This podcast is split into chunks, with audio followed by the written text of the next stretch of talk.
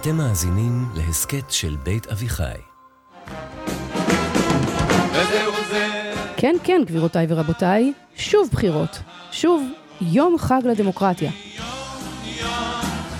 חג, סבבה, אבל למה יום-יום? פעם בארבע שנים זה אירוע כיפי וחגיגי, ממש וייב של יום העצמאות. חופש, ים, חברים, אולי אפילו מנגל, אבל ארבע פעמים בשנתיים? זה כבר vibe של תשעה באב. והציבור גם מצביע ברגליים. סליחה על הנוסטלגיה, אבל בבחירות הראשונות שהתקיימו פה, ב-1949, כמעט 90% מהישראלים עמדו בתור לקלפי. נכון שהתורים אז היו הרבה יותר קצרים, כי בכל זאת חיו פה פחות ממיליון. אבל זאת לא הסיבה היחידה שפחות אנשים יוצאים להצביע. עייפות החומר, אדישות, חוסר הבנה של מה באמת קורה כאן? אולי צריך להקיף ד', כל התשובות נכונות. אבל רגע, בכל זאת, יש פה המון דברים חשובים שעומדים על הפרק. הסכסוך הישראלי-פלסטיני, יוקר המחיה, משבר האקלים, אנחנו לא יכולים להרשות לעצמנו להרים ידיים.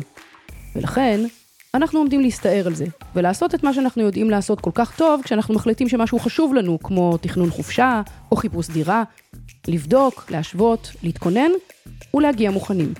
זה המינימום שאנחנו יכולים לעשות. זה הרי העתיד שלנו פה שמונח על הכף, לא? אז עוד פעם בחירות? בקטנה. אנחנו לגמרי על זה. רעידת האדמה הפוליטית. וישראל הולכת לבחירות בסתיו. הבחירות לכנסת ה-25. מתחילות לערוך אה, לקמפיין אה, שהתקיים לאורך חגים, מערכת בחירות. קודם כל, בואו ניישר קו. בישראל לא באמת חייבים להצביע, לכן קוראים לזה זכות בחירה ולא חובת בחירה. כאן זה לא סוריה, צפון קוריאה או איראן. האח הגדול לא מפקח על התהליך כדי שיהיו 98% הצבעה למנהיג. מצד שני, תתפלאו לשמוע שבכמעט 30 מדינות דמוקרטיות דווקא יש חובה להצביע. באוסטרליה למשל, אם תעדיפו לישון עד מאוחר ולפספס את מועד סגירת הקלפיות, תקבלו קנס כספי. בבלגיה, אולי גם ישללו לכם את זכות הבחירה לשנים הבאות. ובמדינות נוספות, יהיה לכם קשה להוציא רישיון נהיגה, או להתקבל לעבודה בשירות הציבורי, אם לא תתייצבו עם תעודה מזהה ותשלשלו פתק לקלפי. אבל פה, זה לא חובה. אז מה, זאת סיבה להימנע? כמה הזדמנויות כבר יש לנו להשפיע על החיים כאן? כן, כן, כבר שמענו את החכמולוגים שמגחכים מהצד ומסבירים לנו בהתנשאות שהקול שלך הוא רק אחד ממיליונים ולא באמת משפיע. סבבה, באמת אף קול לא משפיע בזכות עצמו. אבל גם צמחונים וטבעונים הם אחד ממיליון, ומחזור בקבוק השמפו שלי ממש לא יציל את כדור הארץ. ובכל זאת, הרבה פעמים אנחנו בוחרים להיות אחד ממיליון בשביל הדברים שחשובים לנו. זאת השיטה. בינתיים, העולם עוד לא המציא משהו יותר טוב מהדמוקרטיה, או בעברית, שלטון העם, שיאפשר לנו לחיות בחברה ליברלית ולממש את החירויות הבסיסיות שלנו. הצבעה בקלפי היא הדרך בה האזרח הקטן מממש את העיקרון הדמוקרטי ומשפיע. אבל כדי להשפיע, צריך להבין איך השיטה עובדת אצלנו.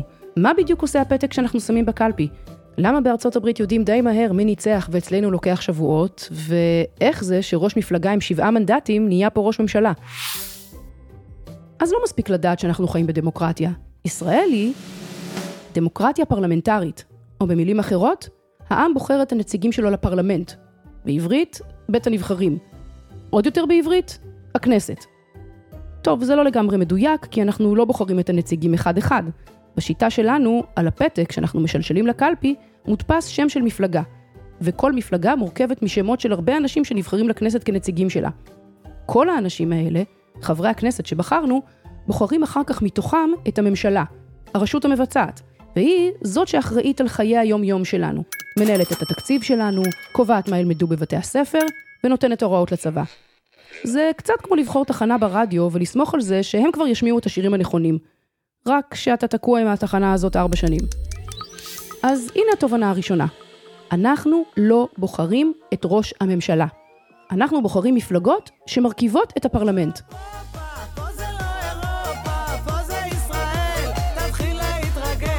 האמת, זה דווקא כן אירופה. כי זאת גם השיטה שקיימת ברבות ממדינות אירופה, למשל אנגליה, הולנד, מדינות סקנדינביה ועוד. בארצות הברית, וגם במדינות כמו צרפת וגרמניה, יש שיטה אחרת, נשיאותית. גם שם בוחרים בית נבחרים, אבל הציבור גם בוחר ישירות את הנשיא, והוא כבר אחראי על כל השאר. לכן מאוד קל להבין את התוצאות ביום שאחרי. פשוט סופרים את הקולות, והמועמד שקיבל הכי הרבה קולות מנצח. כל כך פשוט. אוקיי, פרלמנט, נשיאות, מה זה משנה? הלכתי לבית הספר השכונתי, עמדתי בתור, בחרתי אות או איזה צירוף אותיות מוזר כמו נץ, קץ, יז, זונז, שמתי במעטפה, דחפתי בחריץ ויאללה, יש לי עניינים, תעירו אותי מחר בבוקר עם התוצאות. זהו, שלא. קודם כל לוקח כמה ימים עד שנספרים כל הקולות. קולות החיילים, הימאים, החולים, האסירים. זהו, ספרנו את כולם, יופי, אפשר להתקדם. אבל גם אחרי שנספרו כל הקולות, ואפשר לדעת כמה מנדטים או כמה נציגים מתוך סך המאה ה-20 יש לכל מפלגה בכנסת, גם אז אנחנו רחוקים מלדעת מי ניצח. כי שריקת הסיום של תוצאות ההצבעה היא רק שריקת הפתיחה של תחרות הספורט האתגרית, המרוץ המפרך להרכבת הממשלה. רוב מבין חברי הכנסת, כלומר לפחות 61 מהם, צריכים לתמוך במועמד אחד מוסכם שיהיה ראש הממשלה, ובהרכב הממשלה שהוא מציע. מי יהיה השר לענייני הכך וכך, מה יהיו קווי היסוד שלה, איזו מדיניות היא תוביל בתחומי הביטחון, הכלכלה, החברה, דת ומדינה וכולי. בתיאוריה זה לא נשמע כל כך מסובך. זוכרים שיש לנו נשיא? זה הזמן להפעיל אותו. הנשיא פוגש נציג או נציגה מכל מפלגה ושומע מהם על מי הם ממליצים כראש ממשלה, כדי לקבל תמונת מצב ולהבין למי יש את הסיכוי הגבוה ביותר להרכיב ממשלה. בסופו של הסבב הזה, הוא בדרך כלל יפנה למנהיג המפלגה הגדולה ביותר, כלומר, זאת שקיבלה הכי הרבה נציגים לכנסת, ויטיל עליו את מלאכת ההרכבה. כי באופן הגיוני, הוא הכי קרוב ל-61 מכל השאר. אבל כמעט תמיד המפלגה שלו לא מספיקה. אבל אתם שואלים איך אפשר להפיל אותה בפח. כן, אם את גולדה מאיר והמפלגה שאת עומדת בראשה קיבלה עכשיו בבחירות 53 מנדטים, את אולי צריכה עוד איזה מפלגונת דרדלה, והופ, עברת בקלות את הרף של 61 ואפילו יותר מזה. יש לך אחלה ממשלה יציבה שתשרוד ארבע שנים. זה כמובן אם לא תפרוץ לך מלחמה פתאום באמצע יום כיפור ותכריח אותך להתפטר, אבל אלה כבר צרות אחרות. בכל אופן, היום המפלגות הגדולות מקבלות עשרות בודדות של מנדטים אם בכלל, ולכן צריך לעבוד קשה כדי לייצר קואליציה. קואליציה היא ברית פוליטית של כמה מפלגות שמצביעות כגוש אחד בעד הממשלה ושמסכימות ביניהן על ערכים, קווי יסוד משותפים, מטרות, תנאים ותפקידים שמנוסחים ביחד במסמך שנקרא הסכם קואליציוני. וביחד הן בעצם מציגות בפני הכנסת כולה את הממשלה שהרכיבו. הקואליציה חייבת להכיל לפחות 61 חברי כנסת, אבל אם זה כל מה שהיא מצליחה לגייס, אז היא קואליציה צרה, שלום לך, ולידי יושב אה, נפתלי בנט, יושב ראש ימינה, אדוני נשיא, לך להגיד שעלה בידי להקים ממשלה עם סיעות... כן, יש לה רוב, אבל הוא כל כך זעום, שיהיה לה הרבה יותר קשה לשרוד כהונה שלמה של ארבע שנים. כי כל חבר כנסת שרוצה להתמנות לשר, לא חשוב איזה, כדי ליהנות מרכב שרד עם נהג צמוד, לשכה פרטית ופנסיה מפנקת, או כדי לזכות בקצת יותר זמן אוויר באולפנים, יכול להודיע שהוא כבר לא תומך, והופ, הלך הרוב. ואיתו גם הממשלה. לכן, האינטרס של כל ניסיון כזה הוא להצליח ולחבר כמה שיותר מפלגות לקואליציה רחבה. כזאת שמסוגלת לספוג פרישה או עריקה של חברי כנסת ומפלגות שפתאום כבר לא מסכימות למדיניות הממשלה, ועדיין להישאר על הרגליים. אגב, זה לא בהכרח רע. החברה הישראלית מגוונת, ולכן באופן טבעי יש מפלגות שונות שמייצגות את האינטרסים של קבוצות שונות בישראל. הסכמה משותפת ויציבה בין מי שחושבים אחרת יכולה ללמד על היכולת שלנו לעבוד ולחיות ביחד. אוקיי, אם יש קואליציה, אז מן הסתם יש גם אופוזיציה. אלה כל המפלגות שנשארו מחוץ לממשלה. אין להן הסכם אופוזיציוני, וגם לא תמיד אידיאולוגיה משותפת. הן פשוט בחוץ. תפקיד האופוזיציה הוא מה שנקרא להיות אנטי, להשמיע את דעת המיעוט, לבקר את הממשלה ולנסות להפיל אותה שוב ושוב ושוב. אגב, גם זה לא בהכרח דבר רע. זה חלק מהותי בדמוקרטיה. תמיד טוב שיש מישהו שמבקר את בעלי הכוח ומציע חלופות. המאפיין של מדינות לא דמוקרטיות הוא שאין אופוזיציה, או שהכניסו אותה לכלא. אז מה הבעיה לצרף הרבה מפלגות ולהקים קואליציה? ההיגיון אומר, רוצים להיות בשלטון? תחתמו ונזרום. אבל כמו שכבר הזכרתי, הרכבת הקואליציה זאת משימה שהשטן דווקא כן ברא. למה? כי זה כרוך בפשרות, בוויתורים ובשאר מיני קווץ'. למשל, כשהקואליציה מורכבת ממפלגות דתיות וחילוניות, אז יש בה קונפליקט תמידי סביב נושאי דת ומדינה. או כשמפלגה אחת רוצה להגדיל את תקציב הביטחון, מפלגה שנייה מעוניינת להעלות את שכר המינימום, ומפלגה שלישית הבטיחה לבוחריה הקמת בתי חולים בפריפריה. לא בטוח שהתקציב יוכל לקיים את כל היוזמות. וזה עוד בתחום הערכים. עוד לא דיברנו על דרישות שהן יותר מתחום הסחטנות והאינטרסים האישיים או המגזריים שמפלגות מסוימות מעלות כתנאי להצטרפות לקואליציה ולתמיכה בממשלה. אז הרכבת הקואליציה היא אומנות של חיבור, שכנוע וגישור בין מחלוקות במקרה הטוב, או של שוחד בחירות במקרה הרע. כיוון שהמשימה מסובכת, צריך לתת כמה ניסיונות, כמו בקפיצה לגובה. המועמד הראשון מקבל מהנשיא דדליין של 28 ימים למשימה הלא קלה הזאת, וכמו בספורט, יש גם הערכה. 14 ימים. לא הצליח? הנשיא יכול לתת את המשימה לחבר כנסת אחר שאולי כן יצליח. גם לו לא יש 28 ימים. לא הצליח? טוב, לא נלאה אתכם בפרטים. יש כאן עוד הערכות ותוספות זמן, אבל השורה התחתונה היא כזאת. אם אף אחד מהמועמדים לא הצליח להרכיב ממשלה, אין פנדלים. המשחק הזה נפסל, והולכים שוב לבחירות. נשמע מופרך? זה בדיוק המצב שישראל תקועה בו כבר יותר משנתיים.